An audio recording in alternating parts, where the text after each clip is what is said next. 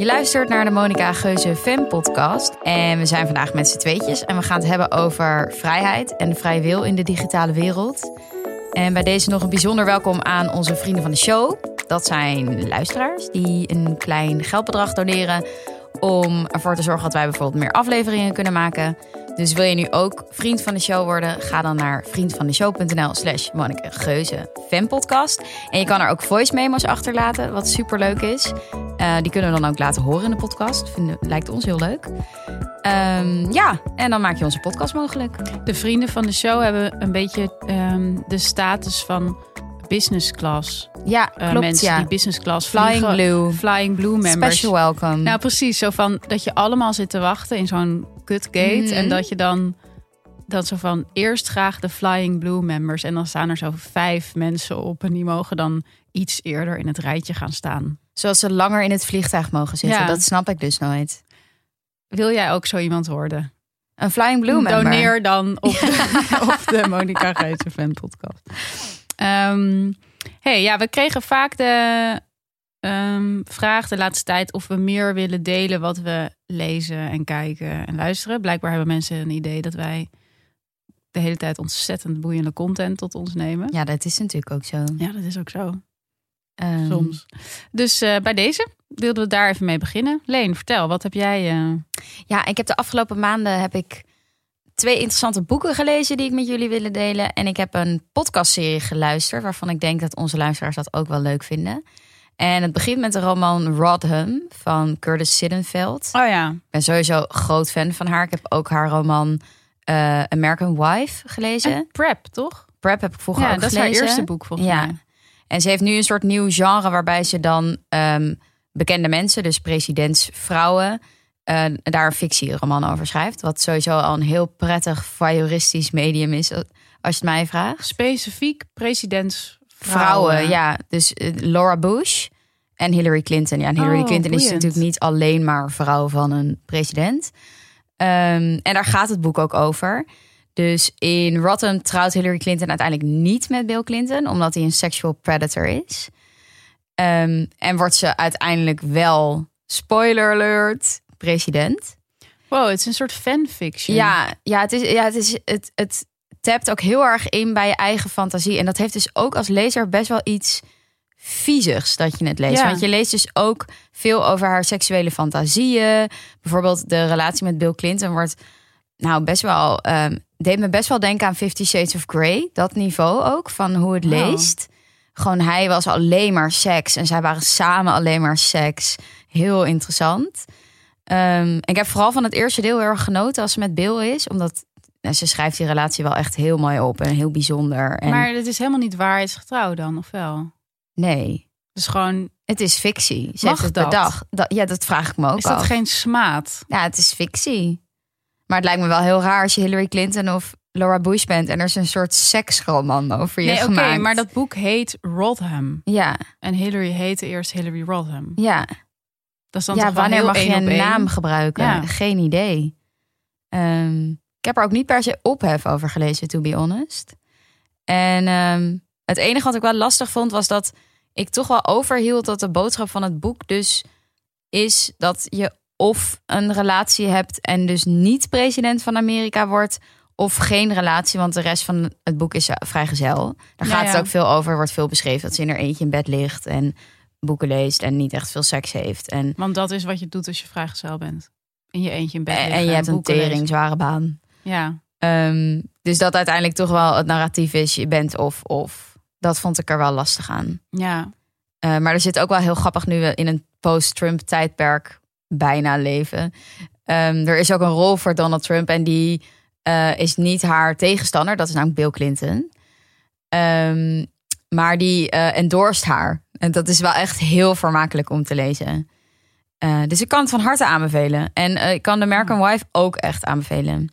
Heel interessant. Zeker boeiend. En ze kan ook heel goed schrijven. Dus daarom alleen al is het de Ik had moeite waard. eh, laatst, of dat was een tip van jou, dat fictieverhaal in de New Yorker van haar geluisterd. ja, interessant hè? over de, de Mike Pence rule. Ja. Ook heel leuk. Wat is de Mike Pence rule? De Mike Pence rule is een regel die Mike Pence, de vicepresident van, eh, onze bijna voormalige Amerikaanse president Donald Trump hanteert. Namelijk dat als je getrouwd bent als man, dat je Mhm. dan niet meer tijd alleen mag doorbrengen met een vrouw die niet je vrouw is. Ja, En ja, ik vond het, het is, ik vind het heel krankzinnig. Mhm. Want ja, iedereen mag tijd doorbrengen met eh, wie die maar wil, alleen of niet alleen. Maar het verhaal was wel goed geschreven, omdat het toch ook een beetje aftasten van heeft Mike Pence niet toch een beetje gelijk. ja. Zo. Het was niet, het was niet eenzijdig. Dat vond nee, ik leuk. nee, ik zal het linken in de show notes. Want Ja. ze komt erachter dat ze het zelf eigenlijk ook doet. Dat ze het zelf ook raar vindt. ja, we moeten natuurlijk niet helemaal weggeven. Nee, maar ze, sorry, ze- heb ik met Rotten wel gedaan. Ja. Maar ja, prima. Dat is ook handig aan deze podcast. Je kan ook gewoon doen alsof je dit allemaal gelezen hebt als je op een feestje wil. precies. Ja, het is ook de functie van Ja. deze podcast. Ja. Hoef je niet al die dingen te lezen. Dat Ja, doen wij precies. voor je. Net zoals de boekenbijlage in de kranten. Kan je Ja, altijd, eh, Ja, klopt. Ehm, en ik heb ook een essaybundel gelezen van onze ja, een beetje podcast Spirit Animal Pandora Sykes van de Hilo podcast. ja. En ze heeft een essaybundel geschreven. Het heet How Do We Know That We're Doing It Right? Een titel waar ik meteen al heel veel geïrriteerde gevoelens bij voel. Echt? Ja, omdat ik denk, waarom moeten we het goed doen? Ja, maar volgens mij zit dat er ook wel in, toch? Ja, nee, dat weet ik ook. Ja. Maar dat, dat ehm, ja, het is een goed gekozen titel. Ehm, en ik zou het op zich wel aanbevelen, de essaybundel. Want ze heeft sowieso echt super veel interessante bronnen gelezen. Dus er zitten essay verwerkt, essays verwerkt van Joan Didion in. En van Susan Sontag en eh, Foucault. Het zijn allemaal vrienden van de show die voorbij komen Mhm. in de essaybundel van Pandora. En ze strooit ook met hele lekkere nieuwe woorden, zoals biohacking, instant gratification, workism, orthosomnia, Wat is orthosomnia? obsessie met goed slapen. Oh, wauw. Ja, wat natuurlijk wel heel Wow. erg happening is. Dat is echt nu. ja, maar Alles nieuwe wat ze orthorexia, ja, orthosomnia. orthosomnia, gewoon geobsedeerd met slaap, om maar productief te kunnen zijn. En dat zijn eigenlijk alle essays. Ze zijn echt spot on, ehm, best wel lekker opgeschreven. En ja, het is wel een goed document, denk ik, van deze tijd. En een paar essays wil ik nog even uitlichten, omdat daar gewoon hele interessante inzichten in zaten die ik helemaal niet wist. Zoals het essay Get the Look. Dus dat gaat over fast fashion eigenlijk en de opkomst Ja. daarvan. En daaruit leerde ik bijvoorbeeld dat de website ASOS ontstaan is. Namelijk dat het betekent as seen on screen. Dus ASOS was een website waar je alleen maar spullen kon kopen die je hebt gezien op televisie. Dus het begon met een fotolijstje die mensen dan hadden gezien in Friends. En ik moest ook meteen denken dat ik had vroeger toen ik 13 was een badjas van Twinkle Star. Dat met van die patches erop.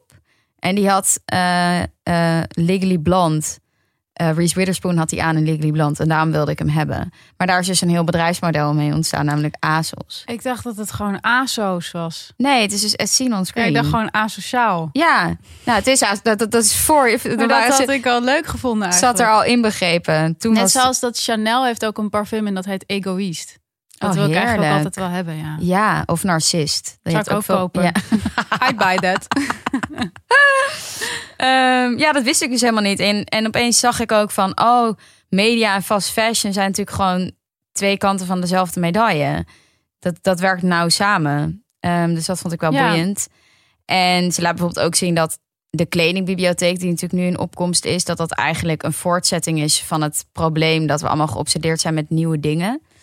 Ehm, dat deed me een beetje denken aan de swapfiets. Dat mensen dan zeggen, oh, dat is heel goed, want ik heb geen bezit. Share. Ja. Maar uiteindelijk is dat dat je juist niet goed voor je spullen zorgt en omgaat met spullen alsof ze inwisselbaar zijn. En jezelf onderdeel maakt van een kapitalistisch systeem dat alleen maar uit is op mensen Ja, reduceren tot gewoon producten. ja ook Maar dat. goed, ik heb me al eerder uitgesproken over de swapfiets. En ehm, ja, en ik leerde ook dat, dat Salinger de term neophilia heeft gecoind. Dat wist ik helemaal niet. Wat is dat?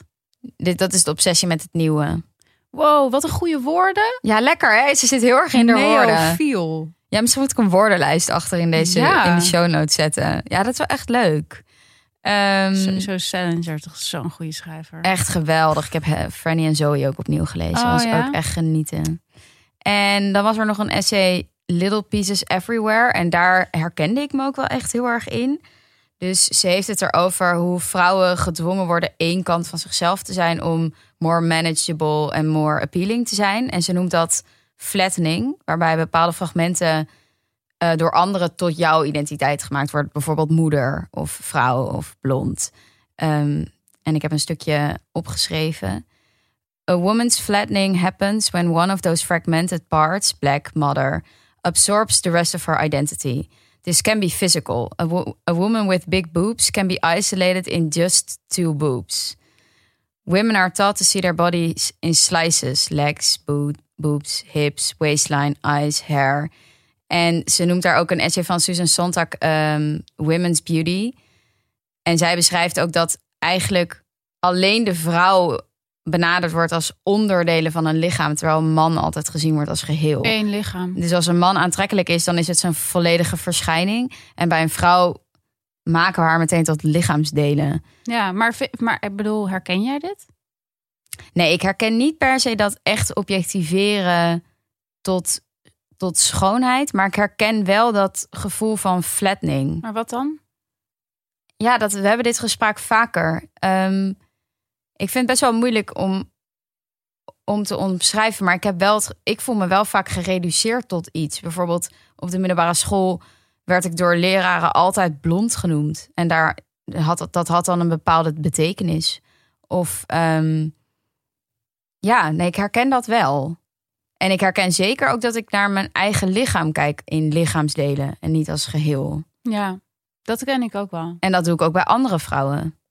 Dat is natuurlijk. Dat had sowieso dat had ik dat als kanttekening. Dat ik me afvraag of het niet nu onderhand al zo is dat mannen ook op die manier beoordeeld wordt. Want volgens mij kijken mannen zelf ook wel naar hun lichaam op die manier. Ja. Dat ze kijken naar hoe hun armen zijn en hoe hun benen zijn. En Nou, en het is ook veel van buitenaf. Want je hoort natuurlijk ook veel.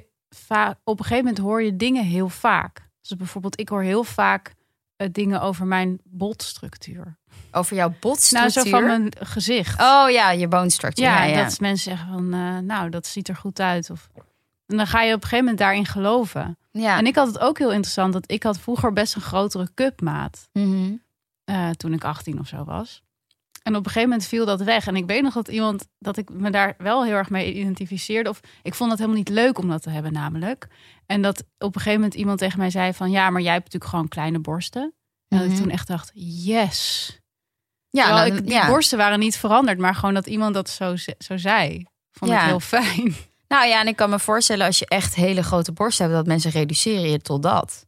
Tot die tieten. Ja, Ja, maar goed, dat heb ik waarschijnlijk nooit gehad. Het zat veel meer in mijn eigen hoofd. Maar het is gewoon Ja. grappiger dat je dat zo dan, als iemand dat van buitenaf zo benoemt, dan ja.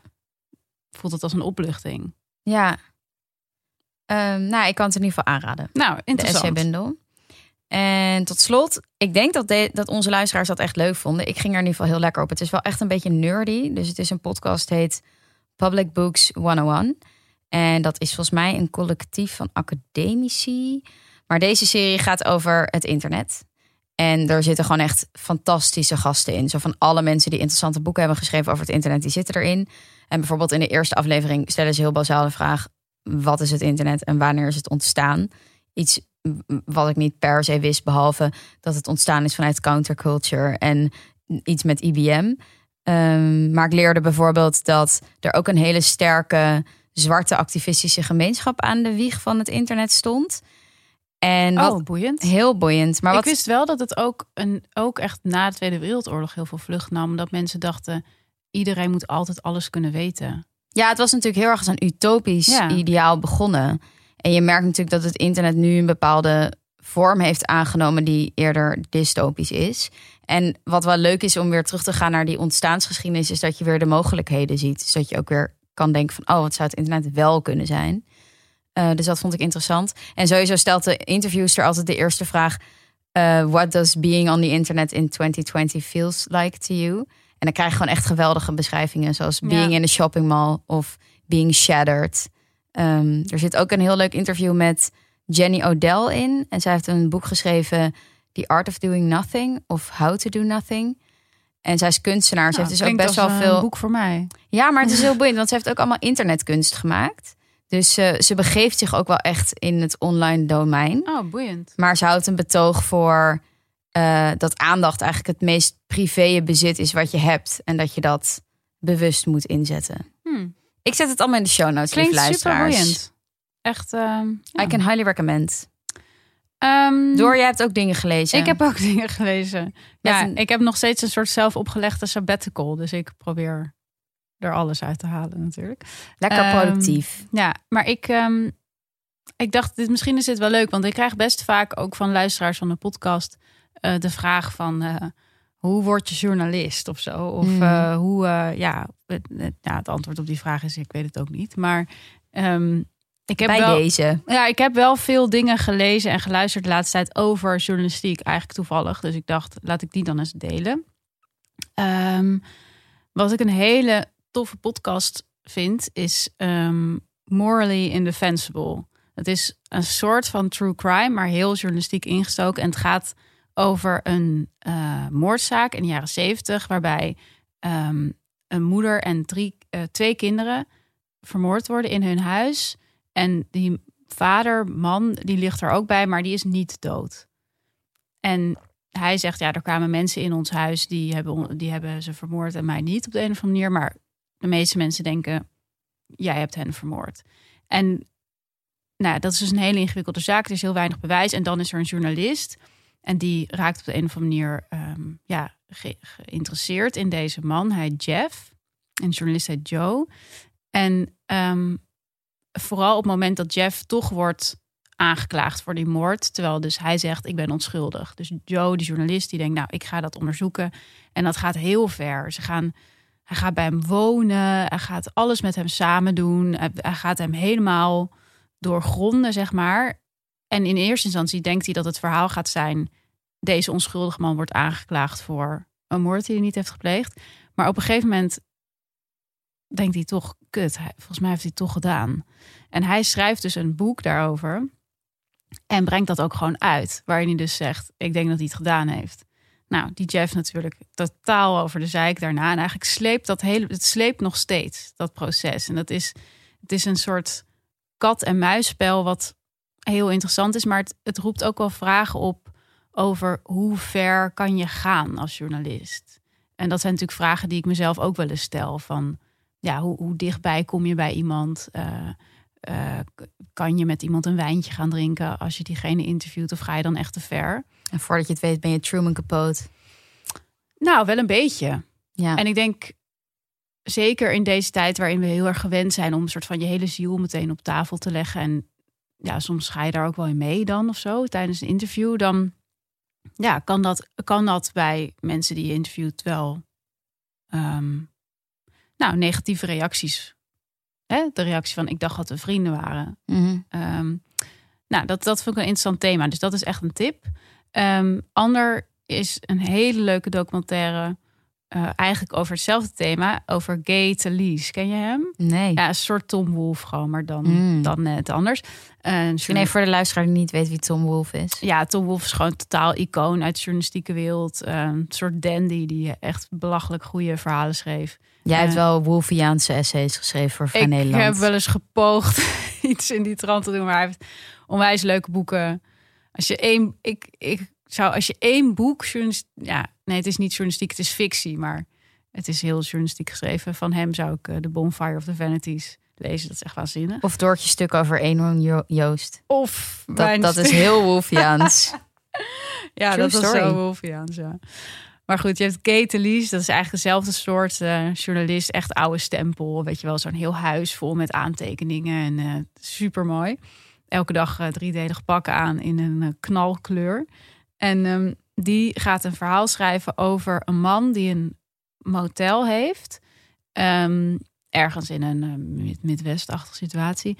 Waarin hij in elke kamer een kijkgat heeft gemaakt. Zodat hij kan kijken naar zijn gasten. Oh, dit heb ik wel voorbij zien komen. Ja, het is zo boeiend. Maar die man, Oh. die man benadert gay in de jaren zeventig of zo. Mhm. Van dit is het verhaal. Dan gaat gay daar langs. Gaan ze ook samen naar die kamers kijken en zo. Gewoon kijken hoe mensen neuken en dat soort dingen.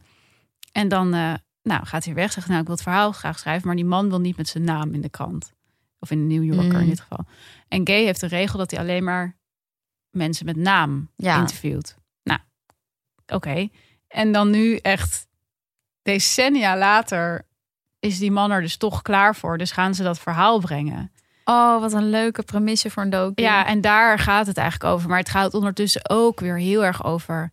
wat is je rol als journalist? Hoe ver mag je gaan? Ehm, nou ja, je ziet ook gewoon wel wat gay doet. Weet je wel, dat hij als hij bij die man is heel anders over het verhaal praat dan Als hij, zonder. Ja. Weet je, dus het is ja, het had ook heel erg over eer en over ehm, ja, integriteit.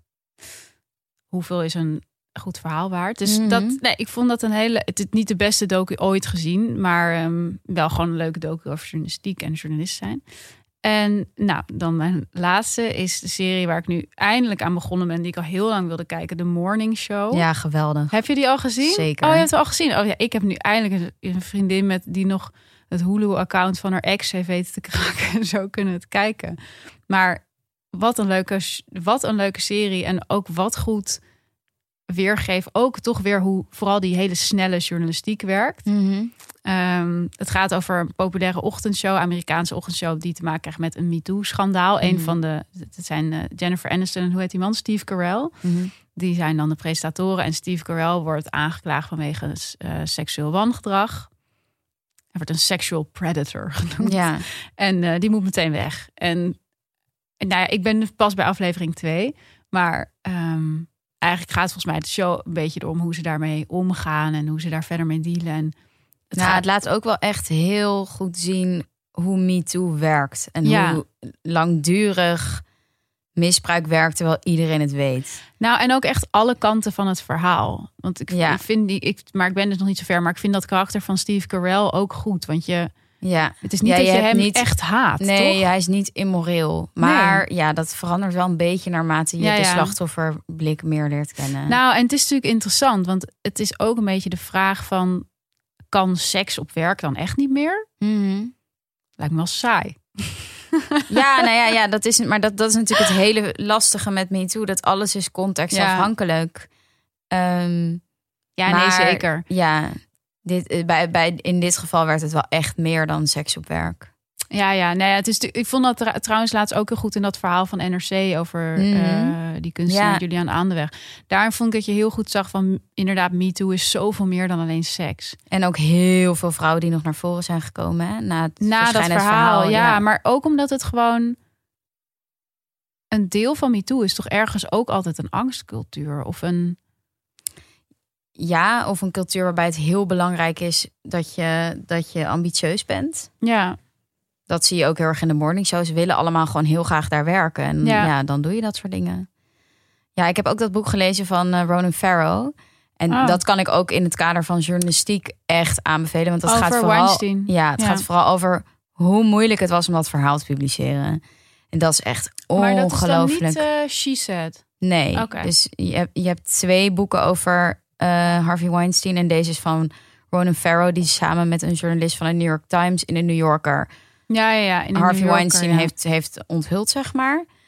En dan dat zie je die dynamieken echt sick. Ik vond dat zo interessant dat eigenlijk de eerste onthulling van Harvey Weinstein in de Mhm. New Yorker was dat er heel veel NDA's waren getekend. bij Non-disclosures. Ja, ja. Dat was toen nog het nieuws. Weet je wel? want andere dingen kon hij niet onthullen. kon hij niet onthullen. Ja. Ja, echt. de- wow, we zijn wel echt ver gekomen. Ja, ja, wel echt dapper. Ja. De mensen die ook zeker de bronnen die ervoor gekozen hebben om wel met hun naam Ja. uiteindelijk naar goed, voren te komen. Ik vond dat dus wel interessant in die serie ook. In dus eh, de morning show. Want op een gegeven moment, dat, dat is dan in een van de eerste afleveringen dus. Dan eh, is dat dus uitgekomen voor die Steve Carell. En dan gaan een ander setje mensen dat gewoon seks heeft op de werkvloer. Mhm. eh, ga, dan wil zij even met hem doen. En dan zegt hij, nee, dat kan nu niet meer. Want ja. ik hang als het uitkomt. En dan zegt zij, hoezo? Want ik wil het toch ook. Mhm. En daar, daar dacht ik, ja, daar wringt het echt. Want, want dan wordt het soort van... Ja, omdat het andersom niet zo werkt. Hij kan niet naar de baas toe gaan en zeggen: Hé, hey, ik voel me. Maar er zat ook een machtspositieverschil bij hun, toch? Ja, er zat wel een verschil. Maar ja, goed, Ja. ja. dan nog. Weet je, het, is, het heeft ook iets van... Als het ook weer helemaal niet meer mag. Ja, het maar is ja, ook weer onvrij of zo. ja, maar ik, ik denk ook dat, dat, dat die man gewoon bang was van: Oh, als dit misloopt, dan kan zij dit verhaal altijd Ja. zo framen dat het machtsmisbruik was. Dus ook wel gewoon verstandig van hem. Ja, in die zeker. Zin. Sowieso is het verstandiger om niet seks te hebben op je werk, denk ik. Ja, denk ik ook. Maar ja, goed, dan is werken wel echt saai. Ik bedoel, je leeft ook wel op de verhalen van mensen die met elkaar naar bed gaan, toch? Nee, niet per se dat ik met iedereen naar bed ga, maar dat is toch gewoon wel de brandstof van een organisatie om te Ja. roddelen. Ik denk het wel. Over wie er met elkaar naar bed gaat. Moeten we iets anders met elkaar gaan doen? Ja, saai. Ja, super saai. Super interessant hoor. Maar het is wel een eh, goed bruggetje. Een over bruggetje. vrijheid. Ja. Ehm, want we hadden het de vorige keer natuurlijk al best wel eventjes over uh, nou ja, verslaving aan sociale media. En of Ja. je dat nou verslavend is of eh, verslavend moet noemen of niet. Ehm, en ik heb eigenlijk de afgelopen tijd best wel veel gelezen over ehm, ja, vrijheid online. En eigenlijk hoe digitalisering ehm, in toenemende mate zorgt voor eigenlijk iets wat je een beetje de onvrije markt zou kunnen noemen. In tegenstelling tot eh, de vrije markt. En ook wel een soort minder vrije samenleving. Terwijl het internet, zoals jij net zei, juist eigenlijk zou moeten zorgen voor een wereld waarin nou ja, alles kan en Ja, informatie voor iedereen toegankelijk Ja. is. MeToo kan gebeuren. Nou, precies. En verbinden en zo. Dan de onthulling van MeToo bedoel ik niet seksueel misbruik. Nou, kan ook. Kan ook via socials of whatever. True. Kan, alles kan. Ehm, maar ik las een heel goed artikel in de Atlantic. Wat ik sowieso nog steeds, denk ik eigenlijk misschien wel het beste medium vind. Of ik lees het het meest, laat ik het Mhm. zo zeggen. En daarin werd beschreven ehm, dat het idee van vrije markt is echt is, ja, is gebaseerd op vrije keuzes als consument. Dus jij kiest als consument wat je wil consumeren. En van daaruit wordt een economisch systeem vormgegeven. En natuurlijk is er dan sprake van reclame of beïnvloeding of zoiets. Maar de keuze is wel aan jou als consument welke producten je koopt en daarmee wat voor ja, wat, Wat, voor, bedrijven floreren. en ja, wat voor niet. economische structuur je om jezelf heen optrekt. Ehm, maar met de digitalisering. Nou ja, als jij veel eh, havermelk koopt, dan zeg je daarmee ook zoiets van: ik ben Iemand die havermelk voor drinkt. plantaardige producten. Oh, zo. Oké, Ja. ja. Dus je vormt ook de wereld met Ja, de je consumptiekeuzes die je maakt. Je vormt de wereld op een economische manier. Ja. Ehm, maar met digitalisering zijn die techbedrijven eigenlijk de keuzevrijheid van consumenten steeds meer gaan eh, ondermijnen. Weet je, er wordt nu natuurlijk heel vaak gezegd van nou die apps die we allemaal gebruiken, waar we allemaal gratis gebruik van maken, Facebook, Instagram, whatever, dat lijkt allemaal eh, fantastisch, maar uiteindelijk zijn wij de consumenten ervan het product, de gebruikers zijn het product.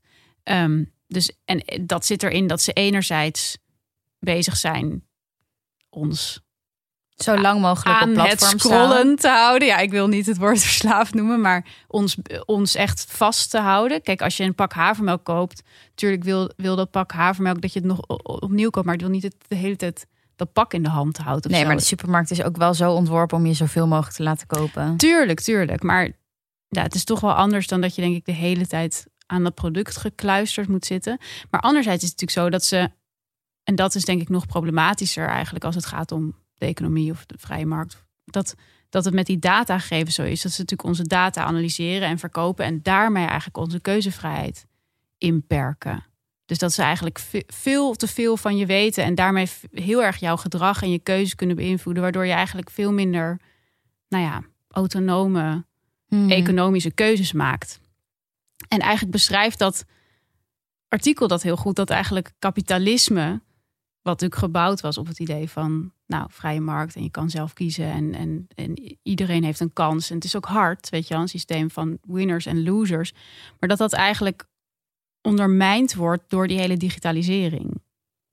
Ja, boeiend. Ja, ik wilde ook nog wel inhaken, want je vertelde inderdaad van tevoren dat je het wilde hebben over vrije markt. En ik denk dan meteen, een vrije markt is een plek waar eh, concurrentie is tussen bedrijven. En dat is natuurlijk ook nu gaande, dat je ziet dat de grote techbedrijven, dus Google, Facebook, eh, Microsoft, dat die monopolieposities hebben gekregen. Eh, ze worden zelfs nu de, de oliebaronnen en de spoorwegmagnaten van deze tijd genoemd. Want je kan eigenlijk niet meer leven zonder eh, dat je Google gebruikt. Of dat je een Facebook profiel hebt. Internet is eigenlijk een soort water in die zin. Nee, precies. En dat, en dat beschrijft dat artikel in de Atlantic ook heel goed. Dat ze zeggen, in een, in een goed functionerende vrije markt hebben eh, ja, consumenten of burgers of whatever ehm, de vrijheid om hun eigen, ehm, ja, hun eigen belang, zeg maar, zoveel mogelijk na te streven. Maar op dit moment zijn die techbedrijven eigenlijk veel meer bezig met een afhankelijkheidsrelatie creëren tussen die mensen en hun product. Ja, en ze zijn monopolies, dus er Ja. is geen concurrenties onderling. Ik bedoel, Nee, Mark. Zuckerberg die zegt natuurlijk wel van ja, maar ik concurreer met Amazon. En daarom is het logisch dat ik. Want ze concurreren natuurlijk uiteindelijk allemaal om de data van de gebruikers. Ehm, ja, wat ik ook heel boeiend vond in dit kader was... Je had in deze zomer zo'n hoorzitting met alle grote tech-CEO's. Wat sowieso gewoon heel raar was om te kijken. Omdat het een soort hele grote Zoom-meeting was. In een hele formele setting. Oh, geinig. Maar dan merkte je ook dat eh, Republikeinen en Democraten mochten dan allemaal vragen stellen aan die CEO's. En die gingen allemaal over vrijheid, maar wel op een hele andere manier. Dus je zag dat alle Republikeinen die stelden vragen over de vrijheid van meningsuiting op die platforms. Dus Republikeinen zijn vooral heel bang dat uh, rechtse gedachtegoed gecensureerd wordt op platforms als Google en Facebook. En dat alle democraten het hebben over antitrust. Dus over of die bedrijven niet te groot zijn en of er nog wel sprake is van concurrentie. Vond ja. zo boeiend. Ja, heel interessant. Maar ook op het moment dat die hele grote monopolies worden, wordt de markt gewoon minder vrij. Ja, klopt. Dus dat, ik, ja, ik vind dat super interessant. Dus ja, maar je, ziet nu ook wel, zowel in Amerika als in de EU, dat ze wel bezig zijn met het Zeker, opbreken. Maar dat vind ik dus heel goed. Maar het is toch interessant dat er dan eigenlijk vanuit de overheid wordt ingegrepen om weer meer vrije markt te creëren. Terwijl ja, maar de vrije markt heel is contradictieachtig. Ja? Volgens mij is dat, dat is de rol van de overheid in een neoliberaal systeem. Dat het voorkomt dat er machtsclusters komen. En dan grijpt een overheid ja, in. Ja, precies. Dat het voorkomt dat er grote monopolies ontstaan. Ja, ja. ja. Nee, ik vind dat grappig. Maar, je ziet natuurlijk sowieso dat het neoliberalisme opschuift naar meer... Kom ik straks oh, er is een bruggetje, pardon. Maar, nee, maar wat, want wat ik nog even grappig vind om over te zeggen... is dat je hebt dus enerzijds dat idee dat je gewoon door zelf producten worden van die digitalisering... waardoor je dus enorm beïnvloed wordt in je nou, in je koopgedrag, zonder dat je het doorhebt. Ze weten precies op welk moment jij je dik voelt. En dan kunnen ze uh, precies goed uh, een dieetpil of zo uh, je feed in stoppen. Dat is natuurlijk in zekere zin heel onvrij. Maar ondertussen verandert die digitalisering en zeker ook die ratingcultuur je gedrag in het echte leven eigenlijk ook. Want je wordt steeds minder vrij omdat je constant in de gaten wordt gehouden door die systemen die die je beoordelen. Ik vond dat Bas Heijnen daar echt een heel goed essay over had in de NRC. Is alweer van een paar maanden geleden volgens mij. En daarin schrijft hij dat die ratingcultuur ons sociale verkeer eigenlijk steeds minder... Ja, hij noemt het oneigenlijk of ja, je kan het ook echt noemen. Ehm, hij beschrijft dan dat er dan steeds ja, dat oordeel van een, een, een Uber, weet je, een Uber-chauffeur maakt een praatje met je, maar ondertussen weet je dat hij dat doet omdat hij een, een hoge... Ja, omdat hij vijf sterren wil. En jij doet het ook omdat je er net achter bent gekomen... dat die Uber-chauffeur jou ook sterren kan geven. Dus je, in die zin handel je ook niet meer uit vrijheid... omdat je weet dat er een soort systeem van digitalisering boven je hoofd hangt. Is dat, zo? Ik bedoel, de bakker doet toch ook aardig tegen je... omdat hij hoopt dat je opnieuw komt naar de bakker? Ja, maar jouw oordeel van de bakker heeft geen invloed op ander mensen hun oordeel van de bakker. Als jij de bakker nu één ster geeft, dan ziet iedereen dat. Wel als één iemand een slechte ervaring heeft bij hem. Of als jij een Uber-chauffeur één ster geeft, heeft dat meteen invloed op zijn rating. Terwijl als jij één keer een kutervaring hebt bij de bakker. Ja, en ik vertel het door aan mijn vrienden. En ja, dat kan. Ja.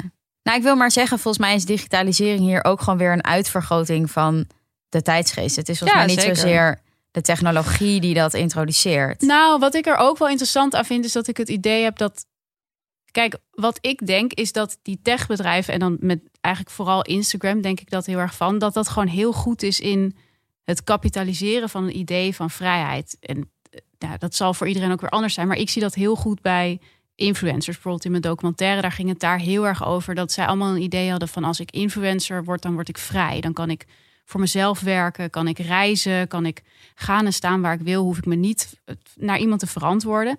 Maar vervolgens merkt, merken influencers, of nou, die mensen in mijn docu dan in elk geval, dat het ook heel onvrij is. Omdat je constant achtervolgd wordt, achtervolgd door een algoritme, wat je bijvoorbeeld vertelt.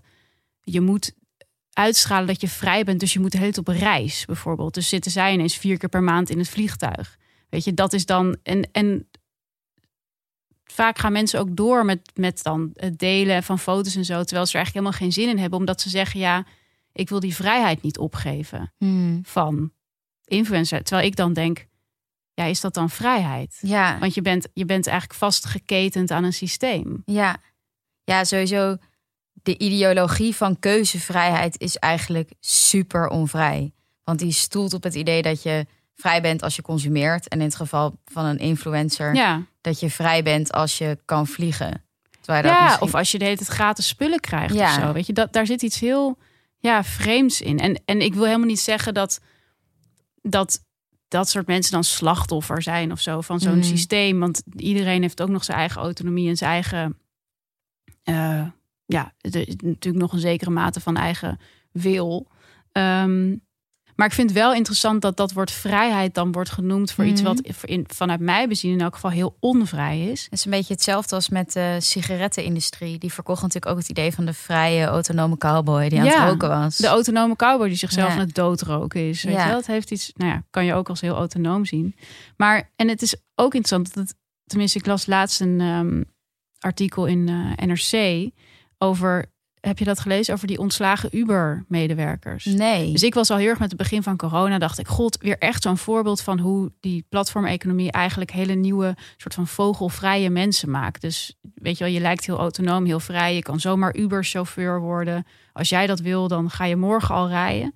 Maar op het moment dat er geen werk meer is, heb je ook gewoon helemaal niks. Weet je wel, er is Mhm. niks waar je op kan, op kan staan. En Uber, eh, nou, er waren natuurlijk niet alleen maar in die, bij die chauffeurs waar het werk wegviel, maar ook gewoon bij Uber zelf. Dus Uber moest gewoon over tot een soort mega-ontslag. Ik geloof 30% of zo van de, van de medewerkers moest er gewoon uit. En Uber heeft een heel groot kantoor hier in Amsterdam. En hoe dat ging, was dat gewoon iedereen een mail kreeg. Over een half uur krijg je, krijgen mensen die ontslagen worden een uitnodiging voor een Zoom-gesprek. En daarin wordt je verteld dat je wordt ontslagen. Die mail kreeg iedereen. En daarna kregen dus 30% van de mensen die tweede mail. En werd ze verteld: ehm, ja, je kan hier niet meer werken. Je krijgt vijf maanden salaris mee. Tot ziens. Gewoon niks van een ontslagregeling. Of, of, of überhaupt. Er waren werknemers van Uber? de- Werknemers. Oh.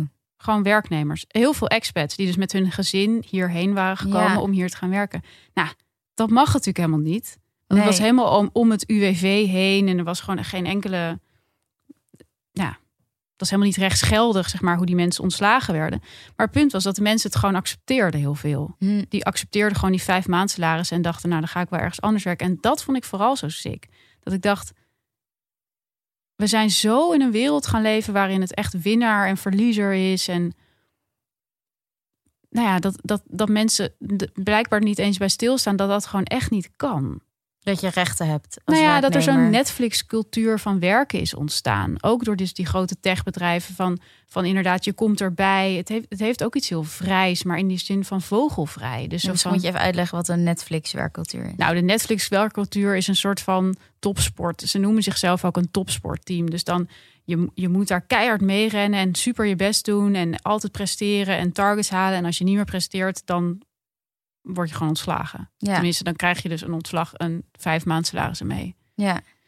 En dat wordt dan ook best wel verheerlijkt of zo. Mhm.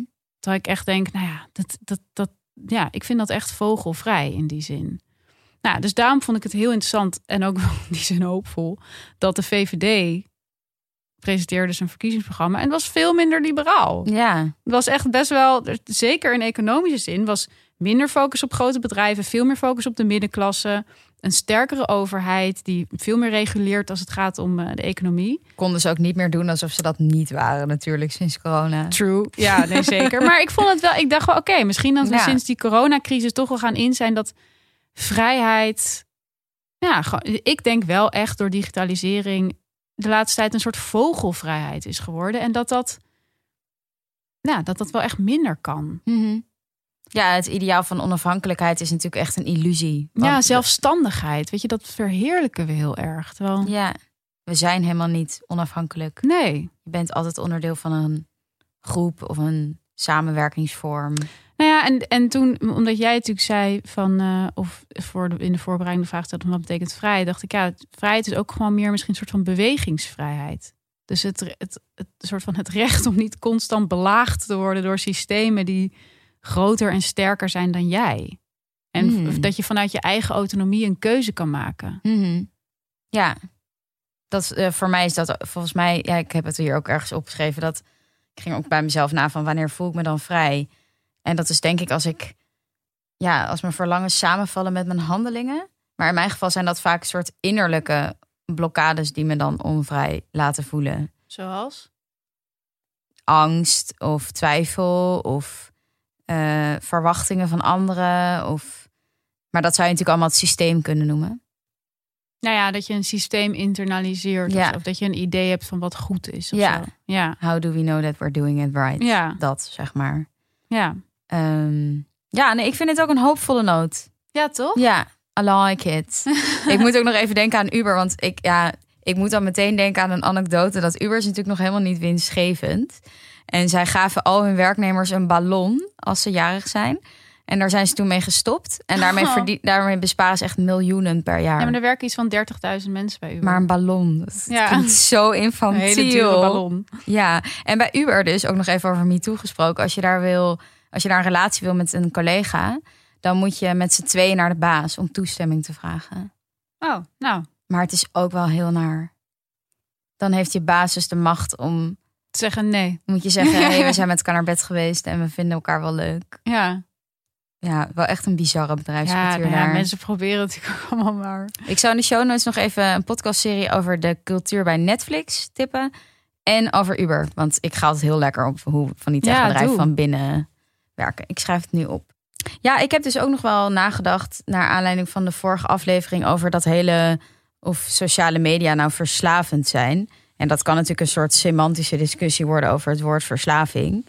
Ehm, want ook mede door ons gesprek ben ik er wel weer over na gaan denken van ja, leg je eigenlijk niet veel te veel verantwoordelijkheid bij het individu door ehm, hem verantwoordelijk te maken voor zich continu te wapenen tegen alle vormen van consumptie die de hele tijd op ze afgevuurd worden. Ik bedoel, van het moment dat je wakker wordt en dus ofwel voor of na het plassen je telefoon pakt, tot de supermarkt, tot nou, je, je kan de hele dag vol kopen, zeg maar. Ja. Ehm, en we moeten proberen de hele dag niet ons helemaal vol te vreten, want er is overal overvloed aan. Ehm, vroeg ik me wel af van ja, is zo'n mate van zelfbeheersing, is dat eigenlijk, kan je dat vragen van een mens? Zeg maar, zijn we evolutionair überhaupt daartegen bestand? Ja, dat vraag ik me ook af. Want ik bedoel, ja, we zijn toch ook wel ingericht op schaarste en, en op overleven. Ehm, en dan krijg je een soort supermensen die hele getrainde wilskracht hebben. En zich de hele tijd verzetten tegen alle verleiding en prikkels die op ze af inderdaad. En dan wordt gewoon een van je belangrijkste bezigheden niet toegeven aan druk vanuit systemen die constant op je wordt afgevuurd, zeg maar.